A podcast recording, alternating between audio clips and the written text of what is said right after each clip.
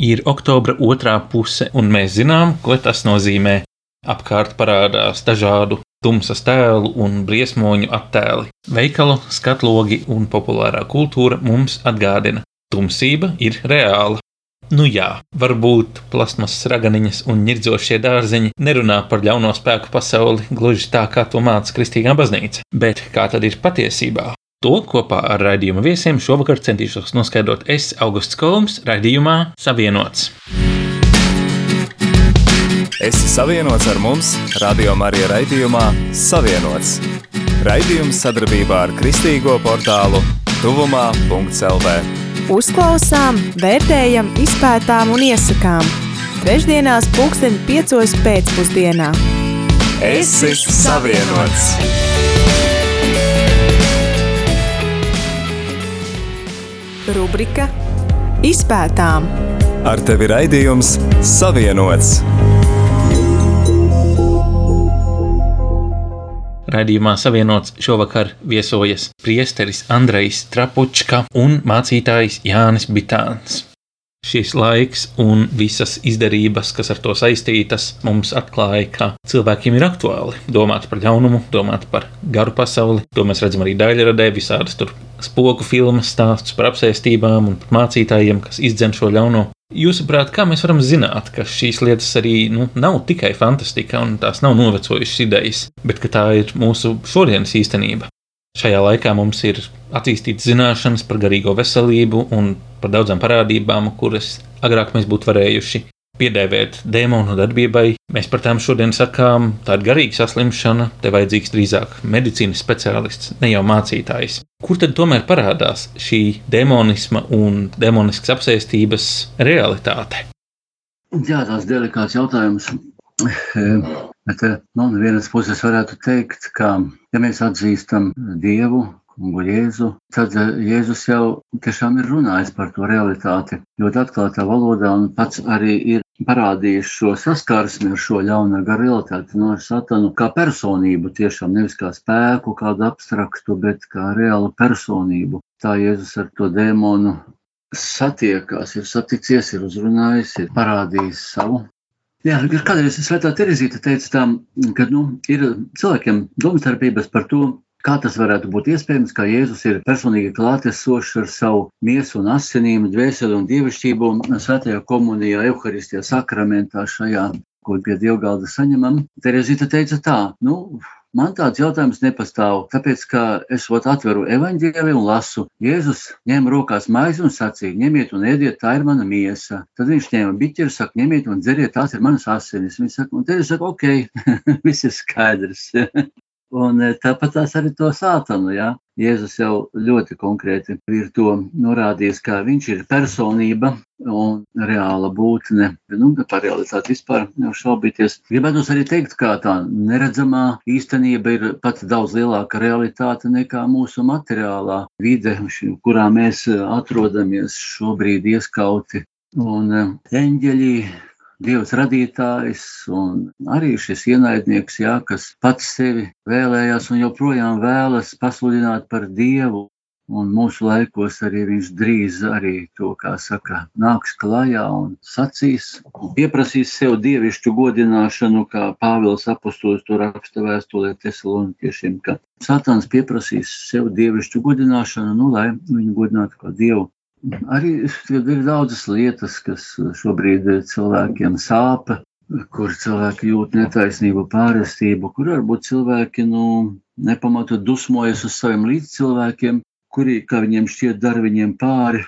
Bet atkal apustulis Pāvils labi raksta, ka mums nav jācīnās pret miesu un asinīm, pret saviem līdzcilvēkiem, ka to starpā, kā saka, ienaidnieku varētu pat varbūt sacīt, ka nav. Tāpat Jēzus saka, ka jāpiedod, bet mums ir jācīnās pret tumsības valdnieku spēkiem un varām. Nu, tas ir tie dēmoni, ko atkal sētie raksti norāda. Nu jā, nu viņi ir personības, bet kā viņi izpausmes, Protams, ir cilvēki, kas ir ar viņiem sastapušies ļoti personīgi, un kādreiz pat Tas palīdz, ja, kad cilvēks ir sastapies ar sātana darbību, sātana uzbrukumiem, tas viņiem bieži vien palīdz arī nākt pie ticības dievam, ka pateicoties sātana uzbrukumiem, cilvēks sāk reāli uztvert garīgo dimensiju, garīgo pasauli un tādā veidā atklāja Jēzu, atnāk pie Jēzus un pie glābēja īstā.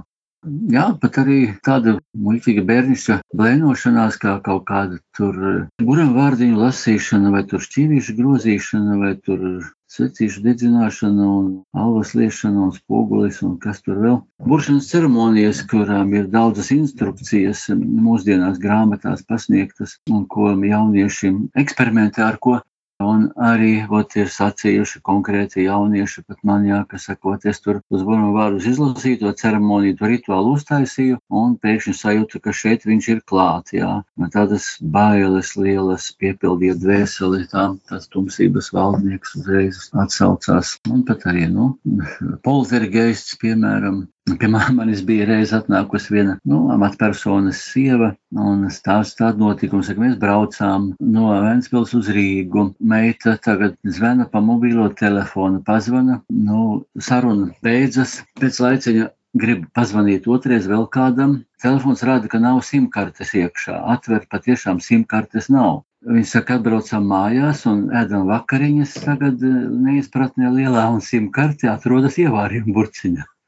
Šķīvi uzliek uz simkarti, ieliek iekšā, telefons strādā. Un vēl tur bija gadījums, ka, saka, vat atbrauc mājās, ka visas sienas virtu izsmēratas ar ievārījumu. Ja? Nu, poltergeists, jā, nu viņi tā cilvēki, es gribēju to viņas vīru arī, pā, lai viņš atnāk arī paaicināt uz tikšanos saka, nu, ot, ja vīrs piekritīs, tad es saku, aiziesim mājās un palūksimies Jēzu, lai tos dēmonus attālinātu. Bet, nu, vīrs par cik augstu amatpersonu Latvijas bankā, tad viņš kautrējās atnākt, un tā tas jautājums tur palika. Jā, viņa kā kāda ekstrasence tur kaut ko bija. Ah, jā, arī ekstrasence bija atnācis līdz viņiem, jā, toreiz pie manis.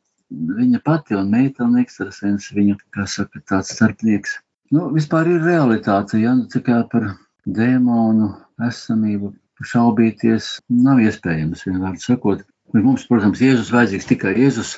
Vēl man šķiet, ka ir ļoti svarīgi, ka Dievu saukt nevis vārdā Dievs, bet tieši Jēzus konkrēti, jo cilvēkiem zem debesīm nav dots neviens cits vārds, kurā mums būtu pestīšana, kā tikai Jēzus, jā, tā raksta, saka apustulis Pēteris. Un tas arī ir kaut kā skaisti un svarīgi.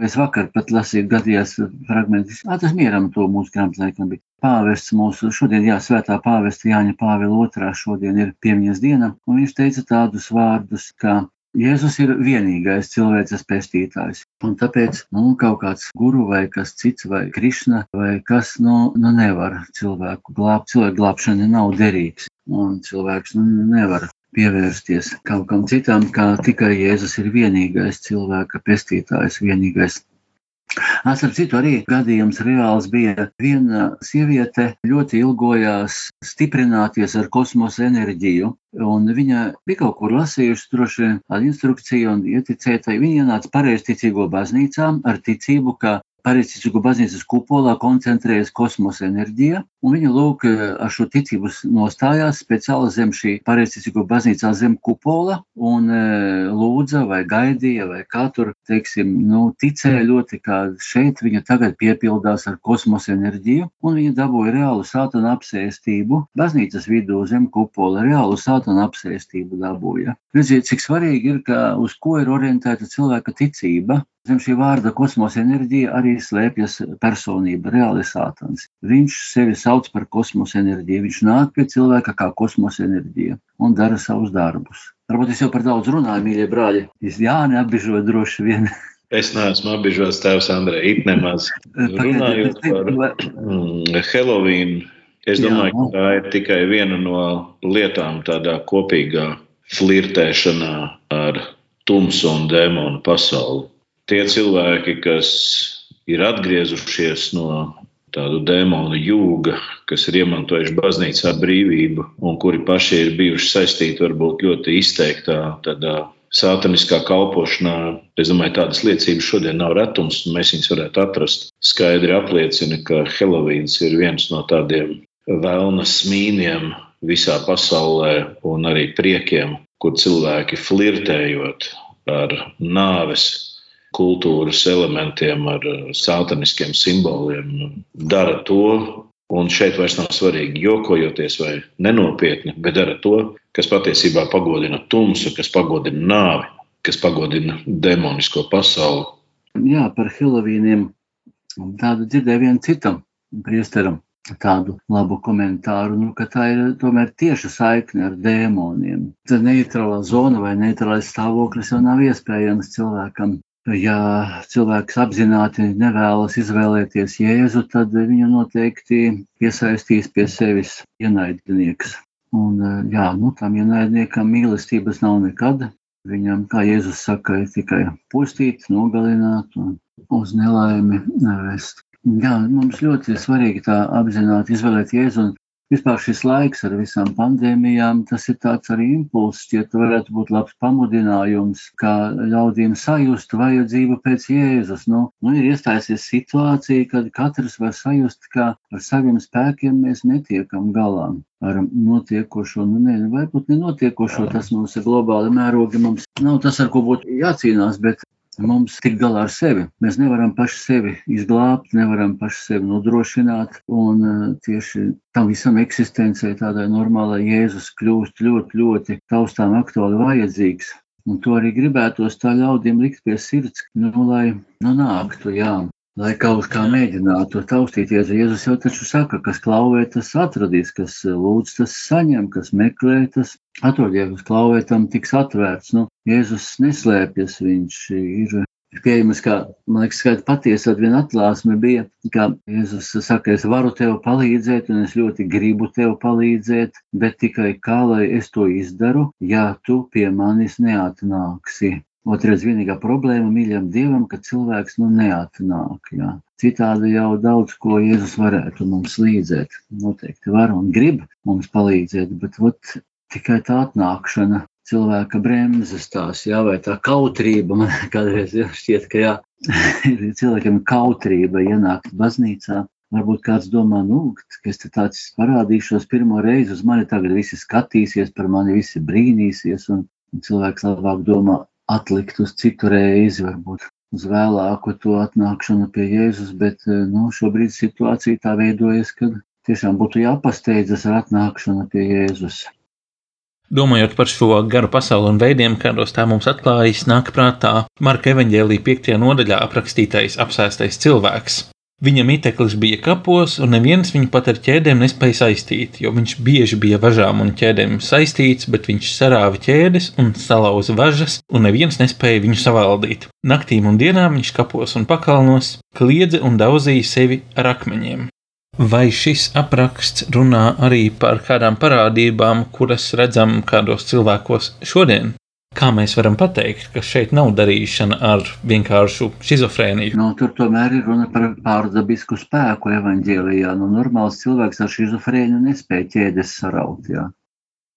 Es domāju, ka tad, kad mēs runājam par garu pasauli, mums vispirms ir mazliet jānodala, kā par to domā cilvēki baznīcā un kā par to domā cilvēki, kas ir pasaulē. Jo tad, kad mēs sakām ticības apliecībā pašu pirmo ticības apliecības locekli, ka mēs ticam uz Dievu Tēvu, visu valdītāju, debesu un zemes radītāju, tad jau ar vārdiem debesu radītāju mēs apliecinām savu ticību gan Dieva radīto eņģeļu pasaulē, gan vienlaicīgi arī mēs apliecinām savu ticību kritušo, no Dieva atkritušo eņģeļu, tātad demonisko spēku pasaulē ka mēs ticam, ka viņi eksistē. Un apustulis Pāvils saka, jo mums nav jācīnās pret miesu un asinīm, bet pret tumsības gariem šajā pasaules telpā. Es domāju, ka kristīgam cilvēkam tādā katehētiskā līmenī būtu absolūti jābūt skaidrībā par to, ka ļauno gara pasaule eksistē, tā ir. Un ticīgam cilvēkam jau arī vajadzētu zināt, ka baznīcā ir noteikts Dieva dotas žēlastības, ar kurām šo ļauno garu pasauli uzvarēt. Otra lieta ir, ka mēs skatāmies uz šo demonisko pasauli, nu, varētu teikt, tā ar pasaules acīm. Es te varētu vilkt tādu milzīgu spektru uzskatu. Ir cilvēki, kas labprāt gribētu redzēt vēlmu aiz katra krūma un katru savu personisko neveiksmu attaisnot ar demonisku spēku klātbūtni savā dzīvē un paši neko nedarīt. Un beidzot ar to, ka šajā spektrā ir pilnīgs noliegums vai smīkņāšana par tādas demonu pasaules eksistēšanu. Nu, es te gribētu lielā mērā piekrist patiesībā tēva Andrē teiktiem iepriekš, ka cilvēki ļoti bieži ar šo demoniskās pasaules pieredzi sastopās personiski. Ļoti bieži tas ir arī tas, kas viņiem ļauj nonākt līdz kristumam un baznīcā meklēt dievu palīdzību un glābšanu ka tikai un vienīgi personiski sastopoties ar demoniskās pasaules realitāti savā dzīvē, vai tas izpaustos caur lāstiem, slimībām vai jebkāda veida cita ļaunuma manifestācijām, ka tikai un vienīgi tad, kad cilvēks saprot, ka nedz ar medicīniskiem, nedz kādiem personiskiem vai citiem pūliņiem viņš nespēja tikt galā, viņš meklē ceļu baznīcā. Es domāju, ka diemžēl, bet pasaulē ļoti bieži šī pārliecināšanās par dieva žēlstību un nepieciešamību savā dzīvē ir tikai un vienīgi tad, kad cilvēks ir tā līdz galam sastaps vai izgaršojis tumsas realitātes klātbūtni savā dzīvē. Vai ir kāds veids, kā mēs to varam atpazīt kādos citos cilvēkos? Tēvs Andrejs šai brīdī varētu dot ļoti labu noteiktu kaut kādu klasifikāciju, tāpēc ka baznīcā kopš neatminamiem laikiem pastāv zinām kritērijiem, pēc kuriem nosaka, vai cilvēkā nu, tādas neizprotamas tumsas manifestācijas ir psihiskas slimības, psihosomātiskas izcelsmes, vai tās ir garīgas, spirituālas izcelsmes. Vispār ir vienkārši tie atpazīšanas līdzekļi, jo jaunie gari demoni viņi reaģē uz svētītām lietām. Piemēram, paslacina viņu ar svētītu ūdeni, kaut vai no aizmugures. Cilvēkam neredzot, viņš uzreiz reaģē, viņš uzreiz salecas, viņš var iekliekties. Un, eh, tāpēc, tās, protams, gan uz sakramentu svēto reaģē tāpat ar tādu dusmām. Man reiz bija gadījums, viena meitene, tā jau ikdienā tāda laba gana, bet, nu jā, bija kaut kas viņā tur. Viņa nebija īpaši vainīga pie tām ļaunā gara ienākšanas viņas dzīvē, bet, nu, viņš tomēr bija kaut kādā veidā ienācis. Un bija tāda dīvaina parādība. Mēs vienkārši lūdzāmies par viņu tur baznīcām. Un pēkšņi tajā brīdī, kad mēs sakām, nu, skatījām ticības apliecinājumu. Jēzus piedzimis jaunas Marijas, cietis zem poncija Pilāta, krustā piekalts, nomiris un apbedīts, trešajā dienā augšām cēlies no miroņiem, un saprot, un meitene sāk kliegt. Nē, nē, nē, nav augšām cēlies, nav. Un tad mēs, lai to dēmonu dabūtu projām, mēs tikai to vien atkārtojam. Krustā piekalts, nomiris un apbedīts un augšām cēlies. Krustā piekalts, nomiris un augšām cēlies. un tā, nu, kādas piecas minūtes šo te, un varbūt ē, ē, ē, viņa kliedza, kliedza, kad tai protestā, jā. Tad nokrita zemē, sarāvās čokuriņā. Vēl sākumā, kad slacīja ar svētītu ūdeni, viņa tur tā leca gaisā. Nu, tāds, nu, tad, tad nodarbēja cilvēks tā, tā saliecās, saliecās bet pēc tam tā balss palika vājāka, vājāka, un tas protests palika vājāks un tika atbrīvot. Maziņš tāds vēlniņš bija, laikam viņa tur piesējies, bet redzi, viņš reaģēja, ļoti reaģēja uz to, ka Jēzus ir augšām cēlies no biroņiem šausmīgi, tas viņam ogā griež. Bet redzi, kāds tam ir spēks, jā, kā, cik svarīgi liecināt par to, ka Jēzus ir augšām cēlies miroņiem. Un te ir arī svētajā misē tie skaistie vārdi, ka pēc konsekrācijas mēs sakam, nu, cik ticības noslēpums, jā, priezir saka, tauta saka, mēs vēstīsim par tavu nāvi, kungs, un liecināsim par tavu augšām celšanos līdz pat tavai atnākšanai. Va, tas ir kaut kas varens, jā, kas mums tiešām visiem būtu jādara, vēstīt par viņa nāvi un liecināt par augšām celšanos. Liecināt, Jēzus ir augšām cēlies, nu, miroņi, Jēzus ir uzvarējis sātanu, demonu, pasauli un visu, vai ne? Jēzus ir uzvarētājs, Jēzus vienīgais uzvarētājs uzvarētājs, un ne Lucifers, ne Antikrists nekad nebūs uzvarētājs, viņiem pēdējais vārds nebūs nekāda, tikai Jēzus, Jēzus, Jēzus augšām celies. Un man vēl vienreiz arī viena meitene atveda puisi savu līgavu par tādu sūdzību, ka ot, viņa baznīcā manifestācijas ir, ka viņa baznīcā misas laikā kaut kādā vienā momentā svētākajā sāk kliegt un protestēt un ārdīties. Nu, mēs lūdzam, lūdzam to egzorcismu. viņa sāk man tā, nu, nu nesmuki lamāties uz mani bišķi, jā, un tad viņa saka, tā, sāks ņirkt un smējās tā, saka, ā, tu te lasi, bet tu jau netici tam, ko tu lasi, un to, to eksorcismu tā, tā. Nu, es tā īpaši nereaģēju. Tad tas puisis viņu turēja nu, aizmugures apskāvis ar rokām, tā saka, piespiedis pie sevis. Rokam apskāvis, pēkšņi vienā brīdī tā meitene paceļ abas kājas, nu, puisis viņu turēja, stingri tam, nu, apskāvisam, no aizmugures. Un viņa paceļ abas kājas un man badāts krūtīs, iekšā mani pret sienu bams, vai ne? es neko tā nereaģēju, neapvainojos, jā, bet turpinu lasīt to egzorcismu. Tas bija Zakristijā, palūdzāmies, tad mēs gājāmies pie altāra. Saka, nu, davai, ejam pie altāra tagad, jā. Un, e, tur vēl palūksimies. Bija sakraments izstādīts, jā, monstrancē. Un e, viņi tā stāvēja, sākumā stāvēja kājās pie tā, tur stāvēja, stāvēja, bija tā sabozusies. Un e, pēc tam nostājās celīšos, Un tad tādās gavelēs tādu gaišu smaidu tā iesaucās, un tāds miers un tāda laime, un tad viņi visus tur baznīcā sabučoja, visus vai ne, visus samīļoja, visus bija tik priecīga, tik labi, un paldies Dievam, jā. Bet no kā tas viņai radās, nu, es nezinu, man tā drusku neērti to stāstīt, bet viņai sešu gadu vecumā viens vīrs viņu izvaroja meitenīti, un viņa jūta tos draudus, un viņa ļoti par to baidījās, viņa teica, ka viņa ļoti lūdza Dievu, lai pasargā viņu no šīs izvarošanas, jā, un tomēr tas notika, un viņa sakarā to ļoti sadusmojās uz Dievu. Un ir sātans izmantoja to gadījumu, kad tas bērns bija dusmīgs uz Jēzu, tik ļoti dusmīgs, dusmīgs, dusmīgs uz Jēzu, tāpēc, ka tu mani nepasargāji, un sātans izmantoja to gadījumu un ienāca ot, viņai ot, piesējās viņai un tādu veselību okupēja no bērnības.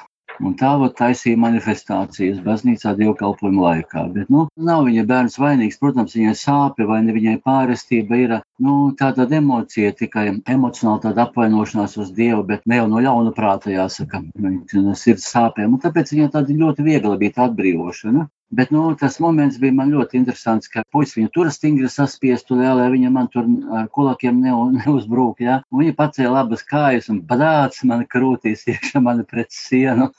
ļoti jauki momenti. Tad es uzreiz sapratu, jā, šeit ir kaut kas reāls. Jā. Tad mēs esam pa tēmu, vai ne? Mēs esam pareizā virzienā, jā, tad lūdzamies, turpinām. Jā, es domāju, ka tie vārdi tavu nāvi, jo kungs mēs pasludinām tavu augšām celšanos, mēs teicām ļoti skaidri apliecina to, ka Kristus ir visas tumsas uzvarētājs tieši caur savu nokāpšanu ellē, elles vārtu uzvarēšanu un augšām celšanos. Bet attiecībā uz to simptomātiku, es nezinu, vai tas ir iespējams viena raidījuma robežās izrunāt visu to baznīcu uzkrāto pieredzi, bet ir tiešām, kā tēvs Andrēs pieminēja, atsevišķas lietas, kuras ļoti skaidri nosaka. Piemēram, ir cilvēki, kuriem ir pat fiziskas grūtības ienākt baznīcā. Tās ir kaut kādas dvēseliskas pretenzijas, fiziskas pretenzijas, grūti paliek slikti, pēkšņi pāriet jebkāda vēlēšanās. Tas ir viens tāds apstākļus, kas liek aizdomāties, kāpēc cilvēks tik ļoti distancējās no svētnīcas.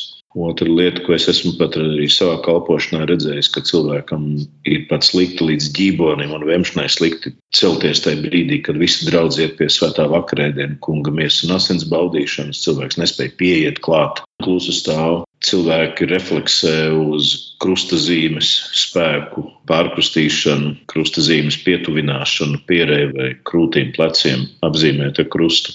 Kā jau tēvs Andrejs pieminēja, arī svētīt ūdens apslacīšana mēdz būt tāda, kas cilvēku ievada kaut kādos tādos iepriekš nepieredzētos pārdzīvojumos. Arī man ir bijusi pieredze apslakot cilvēku ar svētītu ūdeni no muguras, viņam nezinot, ka cilvēks to ļoti sāsināti refleksē. Tāpat to var arī teikt par citām lietām baznīcā. Tātad viena no tādām izteiktām pazīmēm par ļaunā gara klātbūtni cilvēkā ir tāds neadekvāts refleks uz svētuma klātbūtni, sakramentā, lūkšanā, dievu vārda pieminēšanā, visādi citādi, kur vien reprezentējās Dieva svētums mūsu dievbijā.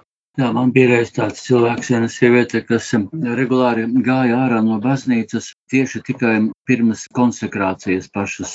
Kas interesanti, ka tās misas līdz konsekrācijai laiks mēdz būt dažāds. Citreiz ātrāk, citreiz ilgāk tā misa notiek, bet viņa ļoti precīzi, tik līdz sākas konsekrācija momentā, jebkurā neskatoties uz minūtēm, cik ir pagājis no sākuma, tikai tajā brīdī bēgā ārā no baznīcas.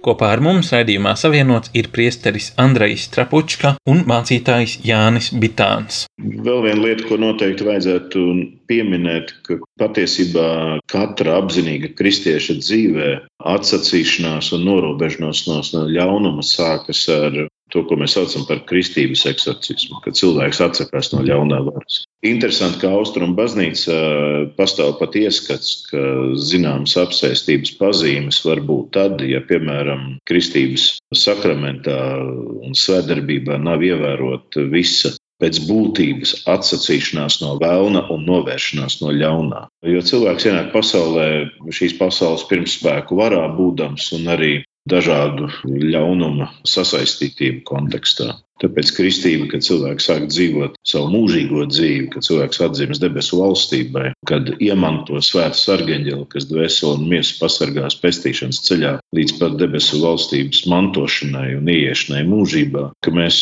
redzam ļoti vienlaicīgi arī skaidru demoniskās pasaules klātbūtni. Nepavēlt apustulis Pāvils saka, vēlns staigā kā lauva apkārt un meklē, ko varētu aprīt. Tātad viņa nemitīgās pretenzijas ir uz kristīga cilvēka dzīvi, tikumiem, debesu valstības mantošanu, algas krāšanu debesu valstībā. Jā, man arī vēl iestādināt varētu, Jāni, papildināt to, ko tu saki. Teiksim, pie grēksūdzes ir ļoti bieži tādi gadījumi, kad cilvēks atnāk un pēkšņi sūdzās, vai, vai, vai man ļoti sāp ceļgaļa, es nevaru vairs nostāvēt. Un cilvēks ir pilnīgi vesels. Un tikai pie grēksūdzes kaut kā sevišķi, ja tā ir kāda pirmā reize pēc cilvēkiem gadiem, Visi pamatā, visi vaimanā par to, ka es vairs nevaru nostāvēt, man sāp ceļgali. Citi arī, protams, nu, dažkārt samaņu zaudē, ģiboni noslīkst vai ne pie grēksūdzes. Ir, nu, tas ir, grēksūdze tas ir visspēcīgākais egzorcisms. Mums varbūt ir priekšstats, ka egzorcisms ir tā, ka priesteris lasa tās speciālās lūkšanas egzorcismu par cilvēku, bet tas ir vājš egzorcisms. Viss spēcīgākais, varenākais, ietekmīgākais, rezultatīvākais egzorcisms ir tieši tas, ka cilvēks cilvēks aiziet pie grēksūdzes, kad cilvēks ir ieskatījies savā dvēselē, kad cilvēks ir sācis ticēt, ka nu, ir negatīvas lietas manā dzīvē, kas tiešām nav labs, kas nav mūžībai derīgs, kas mīļam dievam nav patīkams un kur varbūt arī ļaunais gars mani var sagūstīt sakarā ar šādām manām rīcībām. Nu, un es tātad grēksūdzes ir, es atsakos, atsakos, es atzīstu, ka tā maigi sakot, es biju nepareizs un ka Jēzus ir pareizs. Ka Jēzu visas tavas prasības ir pareizas, visas tava mācība ir pareiza, viss, ko tu no manis vēlies, ko tu liec darīt, vai bauslības, tas viss ir pareizi, bet tas, ko es esmu darījis, tas bija nepareizi, un es lūdzu piedošanu, un tagad gribu sekot tev, un kad ir šis lēmums, un kad par to tiek runāts atklātiem vārdiem, tā saucamajā grēksūdzē, tad arī ļaunais gars manifestējas ļoti spēcīgi, un cilvēki tiešām bieži vien zaudē samaņu, un ļoti bieži paliek slapja mugura cilvēkam, pilnīgi nosvīst. Man arī reiz bija tāds gadījums, baznīcā bija mīnus 5 grādi, un pie grēksos atnāca viens teātra aktieris, kurš uz skatuves, kā saka, ir pieradis gan pie publikas, gan pie atklātības. Lieliski, ka cilvēks, kuram nu, nekad nav kautrības, tāds moments nepastāv, tāpēc, ka viņš uz skatuves strādā, bet pie tās grēksūdzes mīnus 5 grādu temperatūrā viņš palika pilnīgi slapjš, nosvīda vai nevis slapja mugura palika, un viņš brīnījās par sevi, es brīnījos par viņu, bet, nu, viņš uzvarēja, uzvarēja to dēmoniņu, jā, ar savu vaļsirdību. Nu, nepavēlta apustulis saka, nedodiet vietu vēlnam. Un tad brīdī, kad cilvēks sūdz savus grēkus, atzīstās savās kaislībās, viņš pēc būtības Dievu priekšā atklāja savu kaut kādu sasaistītību ar ļauno un arī līdz ar to atņem viņam vietu. Un tad, kad Dievs savā žēlastībā cilvēka grēkus dzēš, tad faktiski ļaunumam nekas cits neatliek, kā tikai atstāt viņa dzīvi. Protams, ka mēs grēksūdz vienmēr redzam kontekstā ar cīņu ar ļauno. Jo, nu, ja ļaunums atkāptos vienīgi tikai kādu maģisku formulu priekšā, tad tā tiešām būtu vēl viena veida maģija. Bet ļaunums atkāpjas tur, kur viņam atņem vietu. Bet ļaunums savu vietu ņem tikai un vienīgi caur grēku cilvēku dzīvēm. Tāpēc grēksūdze ir viens no svarīgākajiem tādiem līdzekļiem, kā cilvēks sevi sargā no ļaunā piestāšanās savā dzīvē. Ļaunais gars tumsā var dzīvot tikai. Cik reiz tiek izgaismots, viņš jau ir spiests bēgt projām, atstāt dvēseli. Un kas ir šī tumsa? Tumsa tas ir tas, ka cilvēks noklusē, ka cilvēks nepastāsta, neatklāja tos savus bēdīgos darbus, ko apzinās, noteikti saprot, bet nu, negrib par to runāt, negrib to atklāt grēksūdzē. Tad Sātans tā gan apsēstība, gan viss saglabājas. Un sātana uzbrukumi, sātana varā cilvēks paliek Elnēdara varā pateicoties šim noslēpumam, cilvēks ir saglabājis noslēpumu un nav atzinis patiesību. Bet lūk, gaisma ir tas, ka cilvēks nosauc vārdā savu nepareizo rīcību, savus grēcīgos darbus, sauc vārdā. Tas nozīmē, ka visi dēmoni tiek izgaismoti un viņi vairs nevar šo dvēseli okupēt. Viņa aiziet projām, viņa atbrīvo. Cilvēks iemanto atbrīvošanu. Es gribētu piebilst šeit vienu interesantu tādu garīdznieku konferences reizi, kurā viens no runātājiem reiz ļoti labi sacīja, kas ir pats svarīgākais fotogrāfam, kurš fotografē ar fotofilmiņu. Pats svarīgākais ir neapgaismot filmu, citādi nesanāks bildes. Un tieši demonu pasaulē ļoti svarīgi, lai cilvēks neizgaismo to, ko viņi ir iesējuši cilvēka dvēselē. Citādi nesanāks nekādi darbi un rīcība. Un tas, kas notiek apgaismojot fotofilmiņus, nozīmē, tiek apgaismots viss, no kā varētu vēlāk veidot kādus attēlus. Un kad cilvēks izgaismo grēksūdzē savas domas, vārdus, darbus un nolaidības, ar to viņš faktiski atņem vietu vēlnam turpmāk rīkoties savā dzīvē.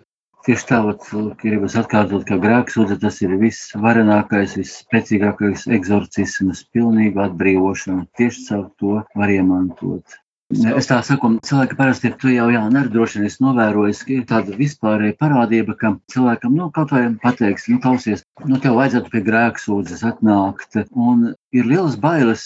Cilvēki reaģē uz to tā ļoti satraukti, saka, un dzēs saka, man grēku nav, man grēku nav, man grēku nav. Un tas fenomens, jā, pilnīgi. Cik šausmīgi cilvēki baidās no tā, ka varētu pateikt, ka, jā, nu, man ir šis tas nelabs, nepareizs, jā, vispār jau tā grēksūdze varbūt, nu, vismaz pēc baznīcas noteikumiem būtu vajadzīga tā kā, jā. Bet tad es, lai viņus nebiedētu, es viņam saku, redzi, ka tev ir daudz grēku, es saku, tu neesi slikts cilvēks. Ja tev ir daudz grēku, tu esi bagāts cilvēks. Bet tikai to bagātību vajag atdot Jēzum, un viņš dabūs pretī daudz žēlastības. Es saku, grēki, tāpat kā ar naudu, vajag ar grēkiem. Un tu ienāc veikalā, pateiksi, man nav naudas. Un, protams, tev pārdevēja pateiks, atvaino, mēs tev neko nevaram palīdzēt. Nu, ot, ja tu atnāc pie dieva un saki, man nav grēku, iesaki, problēma, nu es tev neko nevaru palīdzēt. tu man atdod kaut ko tur, ģengenā, bočku, kā gavarīca, ir pat un pagalinu. Klausies, neskopojies, nu atdod Jēzum to savu bagātību. Labs cilvēks, esi tik un tā, bet esi bagāts cilvēks. Vēl var jau Jēzus vārdiem pieminēt, ka bagātam grūti iet debes valstībā, vai tu izkrat tos grēciņus, atdod visu nosauc vārdā. Un debesu valstībā saka, svētīgi, nabadzīgie garāji, viņiem tev piederēs debesu valstībā. Ir jau tā, ka cilvēkus ļoti bieži no grēksūdzes attur ļoti dažādas vēlni iedvestas domas, inspirācijas, ko tagad par tevi domās, un tā tālāk, un tā tālāk. Bet skaidrs ir viens. Tikko cilvēks iznāk gaismā, tad tumsa tiek apspīdēta ar gaismu. Tas ir arī fizikā ļoti interesanti, ka tad, ja mēs uz tumšu telpu pavaram durvis, tad nevis gaisma, kas iespīd, kļūst mazāka, bet tumsa, kas ir telpā, kļūst izklīdināta pat ar vismazāko gaismas stariņu, kas tur ieplūst. Un tāpat arī grēksūdze. Ne jau mēs varam kaut kādā veidā padarīt tumšāku dievu žēlastību ar to, ka mēs daudz grēkus izsūdzēsim vai atklāsim. Bet tieši pretēji, jo vairāk tumsas mēs atklāsim, jo vairāk gaismas iespīdēs un tas par gaismu paliks. Un tur jau, kur gaisma, tur nu demonu pasaulē palikšanas nav nekādas. Mācītais Jānis sarunā minēja, ka cilvēkam šo ļauno spēku ietekmē var būt fiziski grūti ienākt baznīcā, Tas man atgādināja kādu sarunu ar vienu ticīgu cilvēku pirms daudziem gadiem. Šis cilvēks man sacīja, ka tas ir Dievs, kas viņam saka, nē, uz baznīcu. Nu, un viņš iet uz baznīcu, un viņš izjūt ceļā pretestību. Viņš saka, man Jēzus teica, ka tur nevajag iet, ka baznīcā ir slikts gars, un es uz baznīcu neiešu. Nu, protams, šeit nāk prātā apakstuļu pāvils sacītais, ka pats sātans izliekas par gaismas eņģeli. Bet vai nelabais var runāt it kā Jēzus vārdā, ja viņam ir bail no Jēzus vārda? Es domāju, ka tas ir ļaunā dabā no paša iesākuma runāt Dieva vārdā. Jau radīšanas stāstā un arī kārdināšanas stāstā mēs atrodam to interesantu kārdinātāju vārdu, ko viņš saka. Jūs būsiet kā dievs. Viņš jau runā Dieva vārdā, jūs būsiet kā dievs. Viņš piedāvā kaut ko tādu īpašu. Bet atbildot uz konkrēto jautājumu, es gribētu atbildēt ar vienu rakstu vietu, kur Jēzus saka, nāciet pie manis visi Mēs nevienā vietā, nedz evanģēlijā, nedz apstuļu darbos, viņu vēstulēs nelasām kaut ko tādu, ka Jēzus kādam varētu būt līdzi šķēršļus nākt pie viņa. Nē, viņa aicinājums ir iet pie viņa. Viņš arī saka, ka nevis veselajiem ārstu vajag, bet slimajiem. Tāpēc, nu, pieminētā incidenta gadījumā es varētu teikt, ka tāds cilvēks ir vienkārši nu, tādas iekšējas balss maldināts, ka kā Dievs viņam teikt, ka tu nevari nākt. Mūsu arhibīskaps savā laikā reiz, kad viņam teica, ka daži cilvēki neejot saldu uz baznīcu, tāpēc, ka tur esot bijušais komjotnes sekretārs aizgājis un vēl daži tādi necienīgi cilvēki. Tad arhibīskaps toreiz viņam teica, baznīca nekad patiesībā pasaulē nav pretendējusi uz svēto sanāksmi, bet tā ir bijusi grēcinieku vieta, kur grēcinieki nāk ārstēties kur cilvēki, kuri ir apkrauti ar vainām un dažādiem grēkiem, nāk saņemt atdošanu, šķīstīšanos. Tāpēc nu, šī gadījumā es gribētu atbildēt viennozīmīgi, ka tas nekādā veidā nav no dieva, un tā nav dieva balss, kas cilvēkam liek nākt dievu tuvumā. Ceļš pie dieva ir ļoti, ļoti vienkāršs. Jēzus saka, atgriezieties no grēkiem, tad viņš saka, liecieties, kristīties, palieciet manos vārdos. Un tad vēl tajā jautājumā ieskanās arī vēl kaut kas. Proti, kam baznīca nav māte, tam dievs nav tēvs. Tas ir viennozīmīgi. Jo baznīcā cilvēks iegūst visu to Kristus žēlastības pilnību, bez kuras viņš nevar izmantot pestīšanu. Nevar būt tādas privātas attiecības ārpus baznīcas. Tieši baznīcā ir iedibināta priesterība, kurai Kristus ir sacījis, kam jūs grēkus piedosiet, tiem tie tiks piedoti. Tur netiek apcerēti kaut kādi rezerves varianti ārpus baznīcas, piedzīvot kādu žēlastību, ko Dievs būtu pestīšanai atstājis. Jā, varbūt jāsam draugam, Jā, varētu pateikt, ka tu taču vari ar Dievu satikties sešas dienas nedēļā, bet septītajā, un tas ir arī tikai uz pāris stundām, ienāc tajā baznīcā. Nu, tev jau neviens neliedz satikt Dievu arī mežā vai uz ielas vai kurā vietā. Tieši tā. Mājās, bet, nu, tās pāris stundas nedēļā, nu, vajag būt arī baznīcā. Mm -hmm. Es domāju, ka tad, kad mēs visi skaitām lūkšanu mūsu tēvs debesīs, tas pirmais vārds ir tik ļoti skaists, tā ir tēva uzruna. Un mēs lūkšanas pirmajā daļā lūdzam lūkšanas, kuras lai mūsu dzīvē ienāk, piepildās. Un lūkšanas otrajā daļā mēs lūdzam par visām tām lietām, kuras lai mūsu dzīve atstāja, beidzot ar to, lai viņš atpestītu mūs no ļaunā. Tāpēc, ja mēs uz tēvreiz skatāmies kā uz lūkšanu, mēs redzam tās uzrunā tēvu, bet noslēgumā atpestī no ļaunā. Lai Dievs dod, ka visa mūsu dzīve ir prom no ļaunā un ceļā pie Dieva tēva.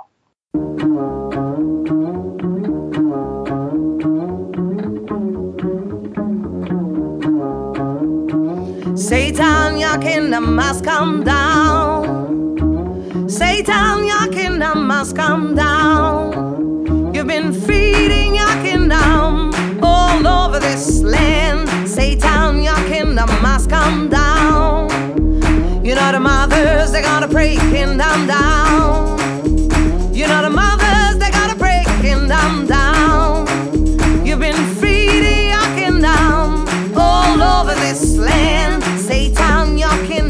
come down.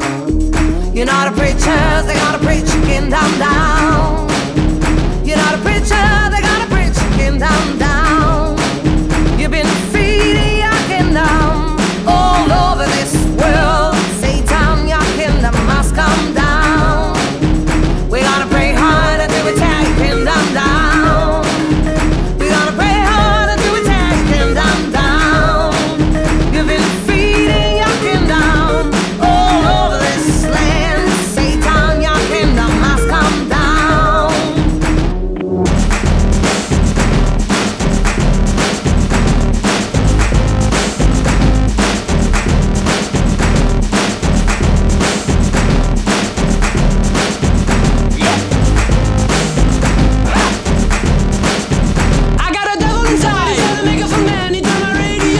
his own sound system. Screaming instructions.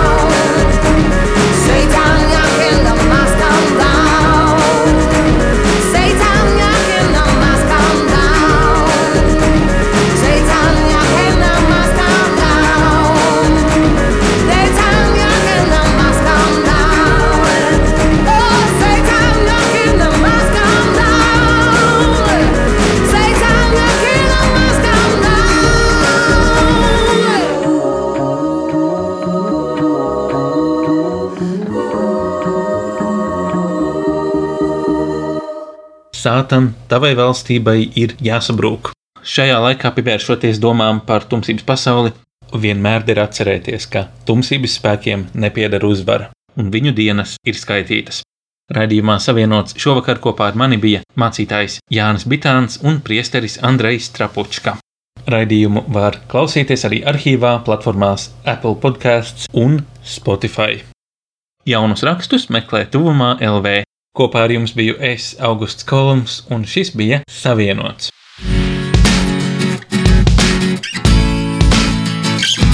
Tu klausījies raidījumu Savienots. Būsim atkal ēterā trešdien pulksten piecos pēcpusdienā. Klausies mūsu radio Marija un lasi kristīgo portālu tuvumā.lv. Es esmu savienots!